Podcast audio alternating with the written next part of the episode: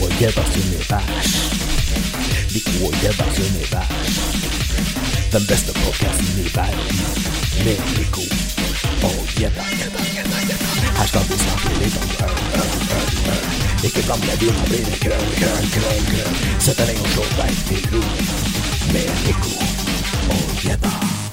Jaså, gitt. Sitter du der?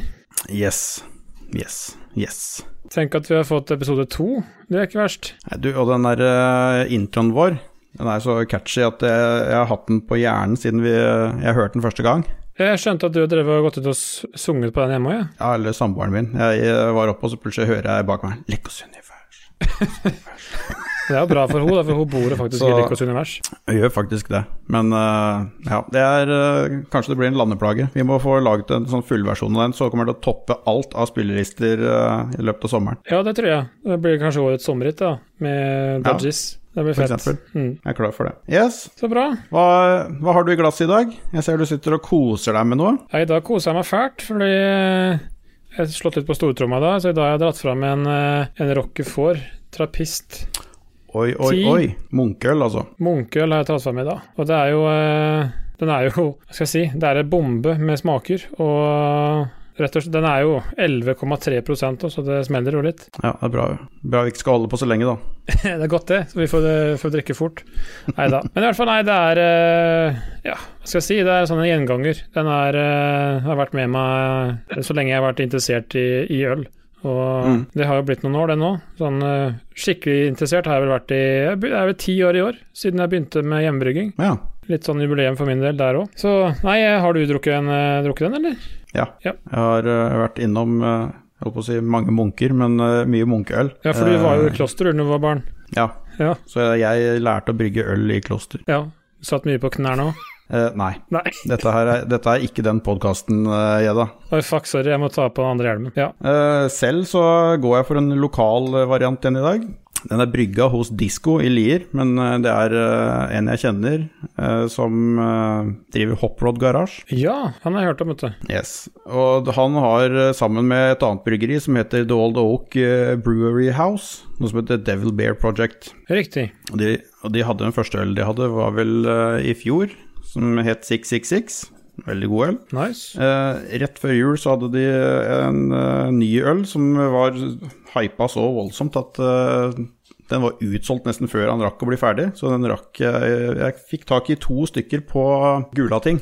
Ja, Jeg fikk smak på den, men de forsto jo at den her slo han såpass at de lagde en ny batch uh, av den samme ølen.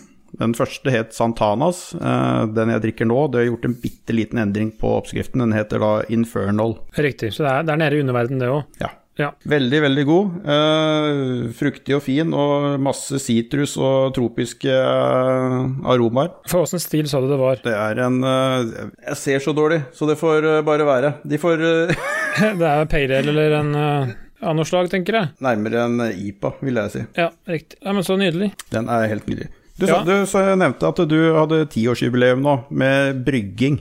Ja, jeg eh, har brygga øl i hjemmebrygga øl i ti år i år, og det har litt med å si hvor min første arbeidsgiver var. Og jeg kom som eh, Hva blir det som, da? Ikke lærling, det er jo ikke det som er ingeniør. Praktikant var jeg for ti år siden. Og i, i det firmaet der så jobba han som starta Nøysom bryggeri i Fredrikstad, hvis du har hørt om det. Ja. Og han hadde jo ikke starta det da, men han var jo, det eneste han var interessert i, var jo øl og brygging. Og vi, jeg fikk jo dele kontor med han, og han skulle jo lære opp meg egentlig noe annet.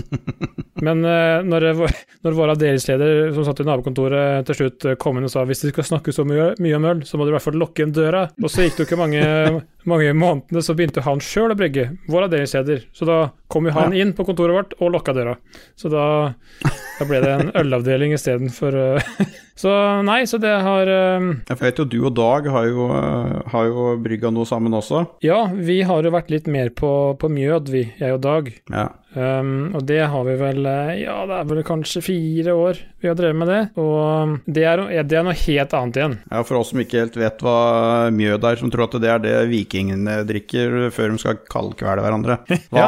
hva, hva er forskjellen på bryggemåten på mjød og f.eks. et vanlig øl? Vi kan ta litt hva forskjellen på øl og mjød er først. For um, kall det øl er jo basert på en eller annen, eh, et eller annet form for korn, eh, som gir, eh, gir kall det sukkeret som eh, jern spiser og lager til alkohol. Mens i Mm. mjød så er jo dette det er honningen som gjør det. Så mjød er jo mer en, en, en honningvin enn det er en øl, så det har ikke noe med øl å gjøre, for så vidt. Og uh, du har jo rett at selvfølgelig vikingene, de, de drakk mjød, men det var egentlig bare de uh, fintfolket og ved høytider at mjøden uh, ble drukket, for det var såpass sjeldent med honning at uh, til hverdags så gikk det, med, gikk det på øl. Men er det kullsyre i det, på samme måte som øl? Det er noen, noen mjødestiler, for det er, mjød, det er stiler innenfor mjød òg, skal være karbonert. Ja. Mens de aller fleste er, eh, er helt flate. Igjen som, som, en vin, kan du si. da. Mm. Og mjød er jo litt interessant, fordi de fleste, i hvert fall nordmenn, tenker at ja, det er en norsk ting, men der, eh, der tar de feil. Fordi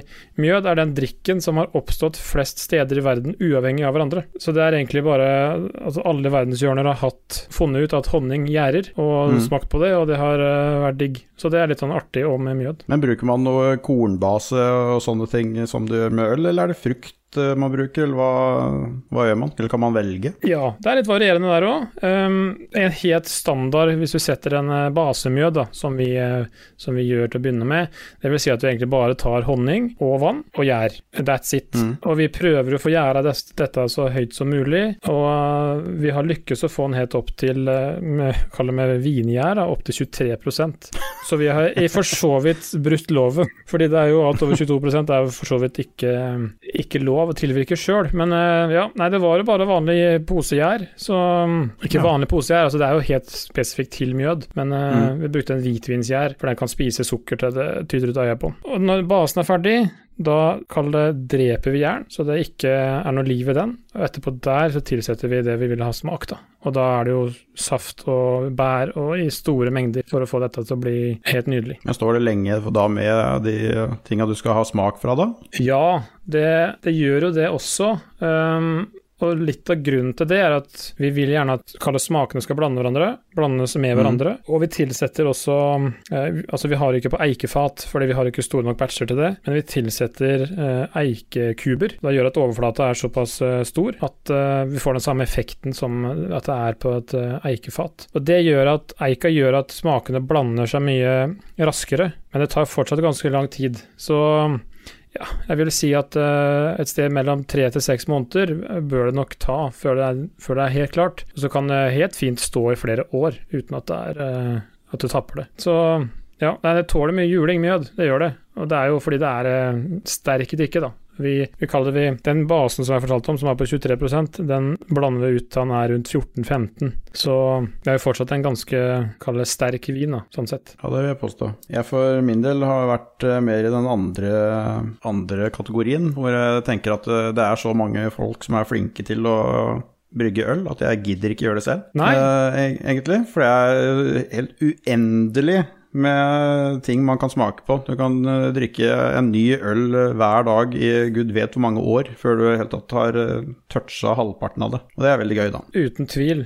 Og det er jo ikke grunnen til at jeg brygger, er fordi at jeg skal ha så mye øl å drikke. Jeg syns jo prosessen er det som er kult. Det å lage oppskriftene, det er det som er kult. Og jeg Mm. har til nå ikke brygga én oppskrift som er lik. Og det er ikke fordi jeg ikke har lagd noe som er godt, det er bare fordi jeg, jeg syns det er morsomt å, å utforske videre, da. Nei, så det er, eh, det er en veldig interessant hobby, og du kan jo si at eh, ja, det er bare å blande korn og vann og og enten eller honning og, og gjær og humle, så blir det øl. Men det er Mm. skal jeg si, du kan gjøre det, og det kan bli veldig bra. Og så er det så uendelig mye teori du kan grave deg ned i, eh, som også trigger meg litt, da. Med Mm. veldig mye med vannjusteringer, det er mye kjemi bak der, da. Så det er liksom eh, ja, veldig spennende. Men hvis jeg skal snakke om alt det der, så kan vi sitte her i sju og en halv time. Så da får dere kjøpe kurs, og så skal jeg holde foredrag, så tar jeg Ja, det blir det neste. Det blir ølkurs med gjedda. Eh, foredrag i, i en helg, da. Tre dager På Discord. på Discord. Mm. Eh, koster da 9000 kroner per eh, snute. Ja, nei, det går det, uavkorta til eh, ny honning. Ja, og, og det, det er ikke kødd, fordi um, til én liter mjød så bruker vi en halv kilo honning. Ja, for jeg har forstått, det er ikke noe Det er ikke billig, det her, eh, sluttproduktet. Eh, Du kan få mye fin vin og ting og tang for eh, samme litersprisen som den mjøden dere lager. Helt uten tvil. Og hva skal jeg si den, eh, De fleste vi har lagd, da, har jo vært eh, Kall det med mye rabarbrasaft, det har vært med mye bringebær. Og du må ha såpass mye da, for å få det til å smake som vi vil. Og Mm. det er liksom ikke noe kompromiss da når jeg og Dag setter i gang med de greiene der. Så vi, ja, vi ender opp med produksjonspris per liter på, på rundt sånn 300 kroner. Ja. Så hvis vi skulle solgt det her i, på polet og tjent noe på det, så hadde vi vel måttet gå for eh, ja, 0,33 for en 500 kroner, kanskje. Um, så ja, det er, eh, det er dyr drikke, men eh, det er et morsomt òg. Vi har det som en hobby, så da, da er det greit. Hobby er dyrt. Sånn hjemmebrygging og, osv. har jo tatt helt av de siste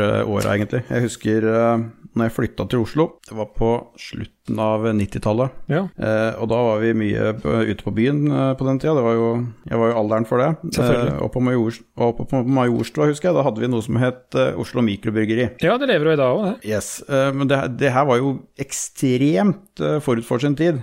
For det var jo ikke et menneske omtrent som skjønte hele poenget med det greiene der. Det var liksom de der eh, Uber-hipsterne. Det var jo før hipster også, dette her, egentlig. Ja, lenge før. Så, så vi skjønte jo ikke poenget med å reise dit. Et sted hvor de bare hadde øl, og de drev og lagde øl selv og sånn. Det måtte jo egentlig bare være dritt, tenkte vi. Mm. Eh, Jeg, jeg kikka litt på det tidligere i dag, og jeg så de starta opp i 89. I 89, ja. Kult. Og da var det vel en, det eneste som ikke de store bryggeriene eh, lagde da, eller det Hvis folk skulle lage noe selv, da var det vel snakk om poseøl. Den der eh, posen som du fylte med vann og hang ned i kjelleren til han holdt på å sprekke, og så hadde du lagd øl. Ja, brew in the bag, old school. Ja. Yes, jeg husker pappa hadde den i kjelleren. Den, den var så dårlig at jeg gadd ikke stjele den engang når jeg skulle på fest. Det, det var så dårlige greier.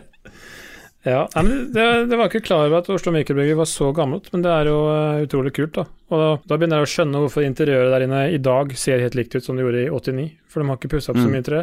Nei, og det, På den tida der så var ikke jeg noe spesielt glad i øl heller, for da trodde jeg eh, Jeg levde jo uvitende, jeg, i eh, ja, 15 år kanskje. Jeg trodde at all øl smakte som Ringnes pils. Ja, Og hadde egentlig bare slått meg til ro med at jeg liker ikke øl, for dette her det, Hvis det er sånn det smaker, så er ikke det her noe for meg. Det smaker eh, dritt, rett og slett.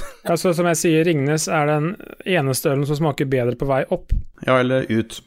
Ja, for meg er ut, ut opp. Men eh, ja, nei, altså helt enig. Ringnes er eh, stakkars folk som har det Tror at det er øl. Men så hadde jeg en litt sånn der nasjonalromantisk historie da når jeg begynte å, å, å drikke øl igjen. For da hadde jeg jo egentlig ikke drukket øl i nesten hele mitt uh, ungdom og halvveis voksne liv. Nei. Eh, og så var vi på firmatur til Svolvær, den Ja. jobben jeg hadde da. Hadde, vi- eh, og da husker jeg da hadde vi noen sånne rorbuesuiter som var ute på noe som het Svinøya i Svolvær. Det er riktig. Og da sto, eh, da sto vi på kaia der, eller på terrassen blir det vel på disse rorbuene.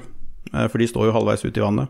Ja, Og da sto jeg faktisk og fiska. Og så kom han en kollega min, og så planta han en nordlandspils i hånda på meg. Jeg tenkte ok, nordlandspils, det er jo det er liksom ryktet. Da får du bare instant vondt i huet bare du ser på det omtrent. ja. Da sto jeg altså der med den ølen i hånda og fiskestanga i andre hånda, og så kommer, eh, kommer eh, Hurtigruta og legger til kai i, på havna på Svolvær der. Sola skinte og alt mulig, og da var ikke den ølen så veldig vond lenger. Ja, det er jo mine topp top to ting i verden, det er jo fisking og øl, så jeg skjønner jo at det var bra. Så liksom fra den, eh, den dagen der så begynte jeg å utforske litt mer og skjønte at ok, det er ikke alt som smaker bare som Ringnes pils, det fins faktisk et hav av muligheter der. Men var det i det den eh, var det da du begynte å skjønne at ok, jeg må utforske litt, jeg må smake på ting, eh, ikke bare Ja. øl, men alle andre ting, for det, vi er jo interessert i smaker sånn generelt, begge to. Ja, men da var det hoved- hovedsakelig eh, øl som jeg begynte å ha et lite dypdykk i. Ja. Og da, etter det så har det bare gått én vei. Jeg hadde jo en kollega også som har vært eh, veldig, veldig interessert i eh, øl. Mm. Han, han var på smakspanelet for Apertif. Oh, ja. Så de hadde, sånn, de hadde jo juleølsmaking hvert år, og så hadde han vært norgesmester i juleøl selv et år. Som brygger. Yes. Ja, kult. Og han eh, hadde, var jo et eh, jæskla leksikon når det kommer til øl. absolutt. Han kunne jo alt, så han hadde jo eh, ølsmaking og foredrag og sånn for oss eh, hvert eneste år før jul. Ja, det, det er spennende. Han, han som introduserte meg da for veldig veldig mye forskjellig og ny øl, da. han eh, var så snill at han delte en Vestfleter en 12 med meg også. Ja, For de har- som ikke vet hva det er, så er vel det den vanskeligste ølen å få tak i i hele verden. Og er den eneste ølen som har fått øh, 100 av 100 på Ja, på, på Rate Beer, ja. ja. Ja. Nei, det, det er jo litt eh, spesielt. eh, jeg har jo drukket den noen ganger. Sjøl om det er jo sjelden. Det er jo lenge mellom hver gang. Um, men det er jo Jeg skal fortelle hvorfor det er så spesielt. da Fordi det, den er brygget på et kloster i Belgia. Og for å få lov til å kjøpe den ølen, så må du ringe til klosteret. Altså Du må avtale tid med en munk, og du må legge igjen Og det er ikke bare bare å komme gjennom der, fordi det er så populært. Eh, og når, hvis du omsider kommer igjennom, må du legge igjen registreringsnummeret på bilen du har, og si at eh, jeg kommer i morgen da og da. Og hvis ikke det stemmer overens, så får du rett og slett ikke lov til å komme inn i det de kaller for et gift shop for å kjøpe. Jeg, tr- jeg tror det er begrensninger på hvor mye du kan kjøpe, jeg husker ikke helt hvor mye det én kasse.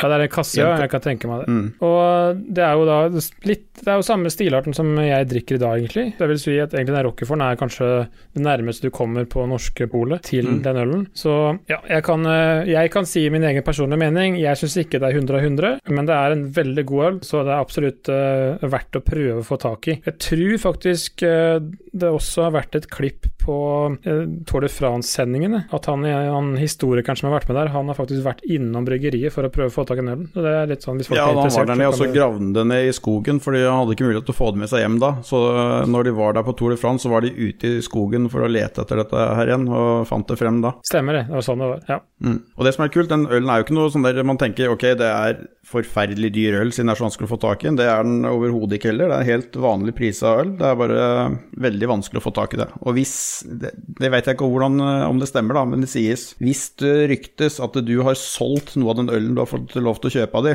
så er du svartelista for resten av livet. Da får du ikke kjøpe mer øl. Jeg tror det gjelder som uh, privatperson. Ja, Um, for, fordi jeg, har- for jeg har kjøpt den her i Danmark selv. På, hos Mikeller så har de hatt den her på hylla, så det må være noen spesielle avtaler de har med butikker og andre bryggere. det var akkurat det jeg skulle til å si, at det er også der jeg har kjøpt den. Ja, Mikeller, ja. Han, eh, han har gjort det stort, han, i verden. Jeg, har, jeg vet ikke, Har du vært på festivalen, eller? Jeg har ikke vært på festivalen, men jeg er veldig ofte i, eh, normalt sett, i eh, København eh, og kose meg. Er rundt på forskjellige Mikeller-pubene rundt i byen der. Ja, jeg har jo ehm, Jeg har vært på festivalen fem eller seks Nei, fire, fem ganger tror jeg jeg har vært der. Og det er klart, det har jo bare gjort at ølinteressen min har steget. Og jeg tror liksom litt av grunnen til at jeg syns Danmark og dra på festival er så fint, er jo Jeg har studert der, så jeg fikk med meg å kalle det ølrevolusjonen som var i Danmark tre år før han kom til Norge. Så det var litt eh, artig. For det er alt det der med at det var veldig mye craft beer, veldig mye det, ja, IPAR og stout og sånn i butikken. Det var jo liksom utenkelig i Norge på den tida, men jeg bodde i Danmark, så begynte det å komme mer og mer. Så det var vel Mm. der det trigga seg opp.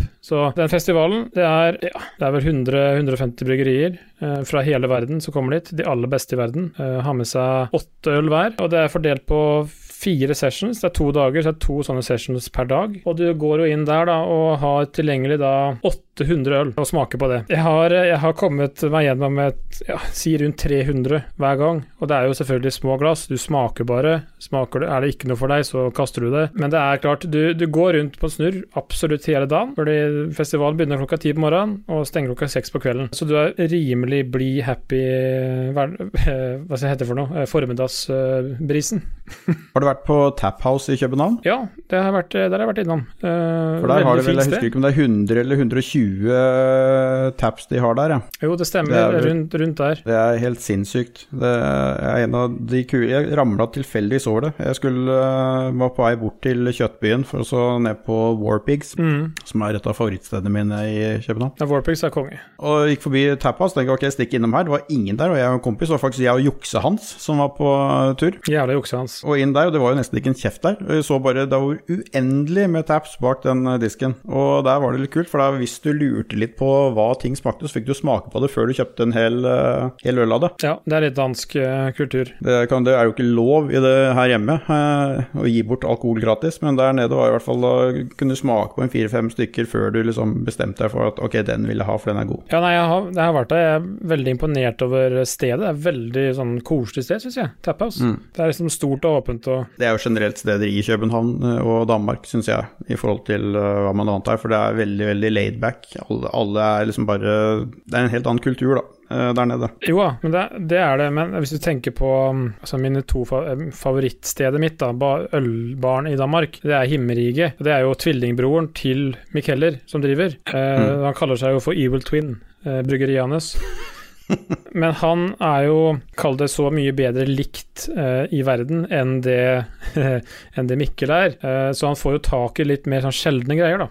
Så hvis du skal virkelig være ølsnobb i Danmark, eller i Kjøben, så dra på Himmerige. Det er et bitte lite sted, eh, men de har utrolig høy kvalitet på det de selger. Så mm, det er, eh, det er virkelig et sted hvis du skal Vi skal jo tilbake igjen en gang. Ta deg tur innom der, sjekk det ut. Mikkeller har jo åpna i Japan og Tokyo også, så jeg. For en liten stund siden. Ja, det stemmer det. Han har vel det er mange steder han har nå. Mm. Stockholm og Göteborg og det er som ikke Ja. Jeg husker ikke hvor mange det er i København, eller om det er fire, fem, seks forskjellige steder bare i København. Han har jo eh, Ja, han har Som er veldig små steder. Alt fra steder hvor det er plass til eh, åtte personer inne, til eh, større puber. Ja, for han har jo Victoriagade, og så har han Øl og brød, som er rett ved siden av. Det er jo en restaurant. Mm. Uh, Micheller and Friends. Så har han Bakhaven, og så har han jo uh, På Michael and Friends er den der lille uh, surølbaren. Den ligger inne i samme lokale. Jeg kommer ikke på navnet akkurat nå. Pluss at den har alle disse ramenstedene sine rundt om. Mm. Biritu Ramen. Så nei, han har du, kan, du kan ta en pub-til-pub-runde på pubene, eller barene hans. Så Det er kult. veldig kult. Jeg snakka om han eh, kollegaen min som uh, fikk meg inn på øl igjen. Ja. Han også hadde en kul historie til å fortelle meg, for i Jeg husker ikke når det var, han snakket, hvor, når, eh, når det var, men han har da jobba borte i, i USA, i San Francisco. eh, Ja. Sammen med som rådgiver for en haug av venture capitalists. Okay. Eh, veldig mye merkelige greier holdt på med. Og han, han var jo interessert i øl da også, Ja. så han kjente jo flere av bryggerisjefene rundt i de større bryggeriene, for han var jo i miljøet der borte. Nice. Og da fortalte han meg at han hadde snakka med bryggerisjefen på Brooklyn Brewery, Mhm. og at sa at han var fra Norge, og sånn og sånn. Så ja, de sleit veldig med å komme inn på markedet i Norge, de hadde ekstremt dårlig eh, salg. Eh, oh, ja. de liksom visste ikke hvor, hva var grunnen til det, de lagde jo god øl og alt mulig. Ja, ja, det gjør Og så snakket de litt eh, videre om det, og så viste det seg at uh, de ølen de leverte til Norge, var jo 4,8.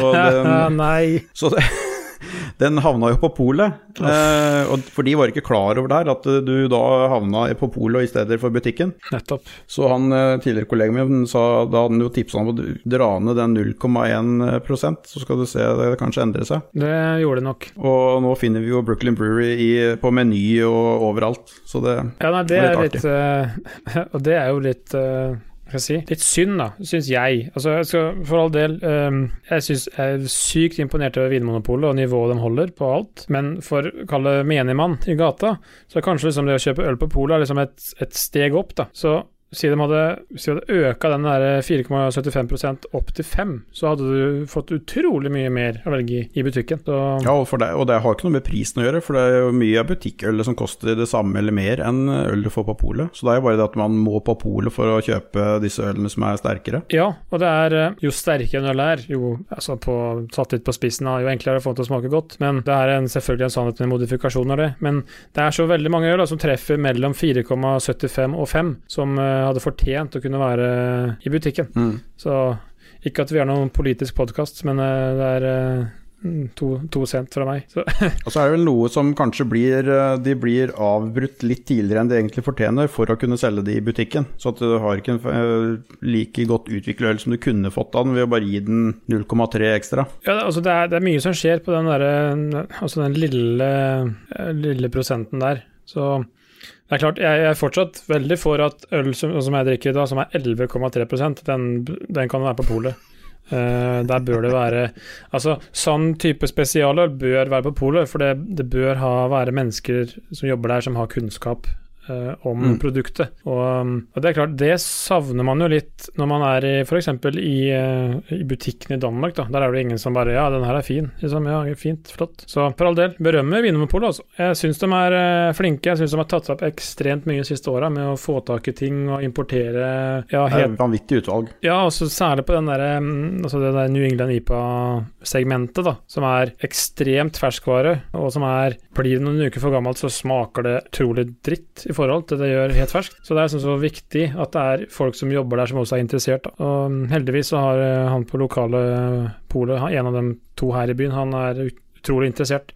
Så han, eh, han får tak i Veldig heldig her i Lier òg, for på Liertoppen her, det polet vi har der, er eh, et vanvittig utvalg. Og du har et par av de ansatte da som er ekstremt ølinteresserte. Så de tar jo inn alt mulig rart. Du slipper å bestille veldig mye også. De har det inne. Det er litt kult. Har du sett den her på ditt lokale pol? da? Du kan lese hva du Hvis du ser, så kan jeg smake på den. Her står det da 'Barrel Aged Molten Double Chocolate Fudge Cake Supreme'. Det høres ut som noe jeg kunne tenkt meg å spise, eh, men det er da altså en eh, øl fra Lervig. Og Lervig er, hva skal jeg si På, på den mørke ølsida i Norge, så jeg syns Lervig er det absolutt beste bryggeriet. Og for å si hvem som er best på det lyse segmentet, så syns jeg det er Sallikat. Men nå snakker vi om uh, Lervig.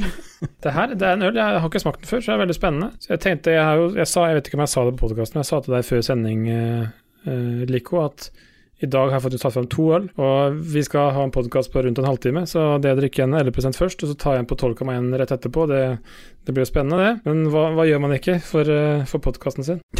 Jeg husker mitt første møte med ordentlig sterk øl. Eh, Da sto jeg på Tilt i Oslo og spilte eh, shuffleboard. Ja, nice. Og da var det han øh, kollegaen min, Ølhunden, han var og kjøpte øl til meg. Det var et trippel Triger fra Nøgnø, mener jeg det var. Nepp, stemmer. Og drakk det, var jeg bare åh, det her var jo helt fantastisk. Jeg bøtta nedpå der. Det lukter jo bare rein mango av det. Det er litt bitrere, men det lukter jo så godt. Og drakk og drakk og drakk. Og syns det der shuffleboardet begynte å gå dårligere og dårligere. Skjønte ikke helt det. Jeg hadde jo jævlig dreisen i begynnelsen. Til slutt så gikk det bare skikkelig dritt. Og så ser jeg på denne flaska, jeg husker ikke om den hadde åtte eller ni eller hva det var. Ja, da hadde vi jo hatt fire-fem sånne. Jeg tenkte jo ikke at det skal være noe mer alkohol i den enn vanlig øl, som begynte å bli skikkelig skeiv i skøytene. Ja. ja, da blir du skjev i skøyta, det er uten tvil. Men- ja. Man har jo noen øl som er helt sinnssykt sterke, og som de jukser til med å få høy eh, alkohol i. Sånn fryser de og styrer og steller og holder på. Ja, det har jo vært litt sånn eh, konkurranser om det. Skotske bryggeriet Brewdog har jo vært litt sånn eh, forkjemper der. Er den som er inni det ekornet, den der tredd der utstoppa ekornet utapå flaska. Ja, ja, de har et historie der, fordi de starta jo med en, en øl som heter Tactical Nuclear Penguin, som er en øl på rundt 18 mener jeg, eller kanskje mer. Det er sikkert noe så kort å ta med på det. For å prøve å brygge verdens sterkeste øl. Og så ble det litt en konkurranse med et tysk bryggeri, som eh, da brygga en som var litt sterkere enn det igjen. Og da tok de igjen med å brygge en enda sterkere, som heter Sink the Bismarck. Rett og slett bare for fuck you, Tyskland, vi hater dere.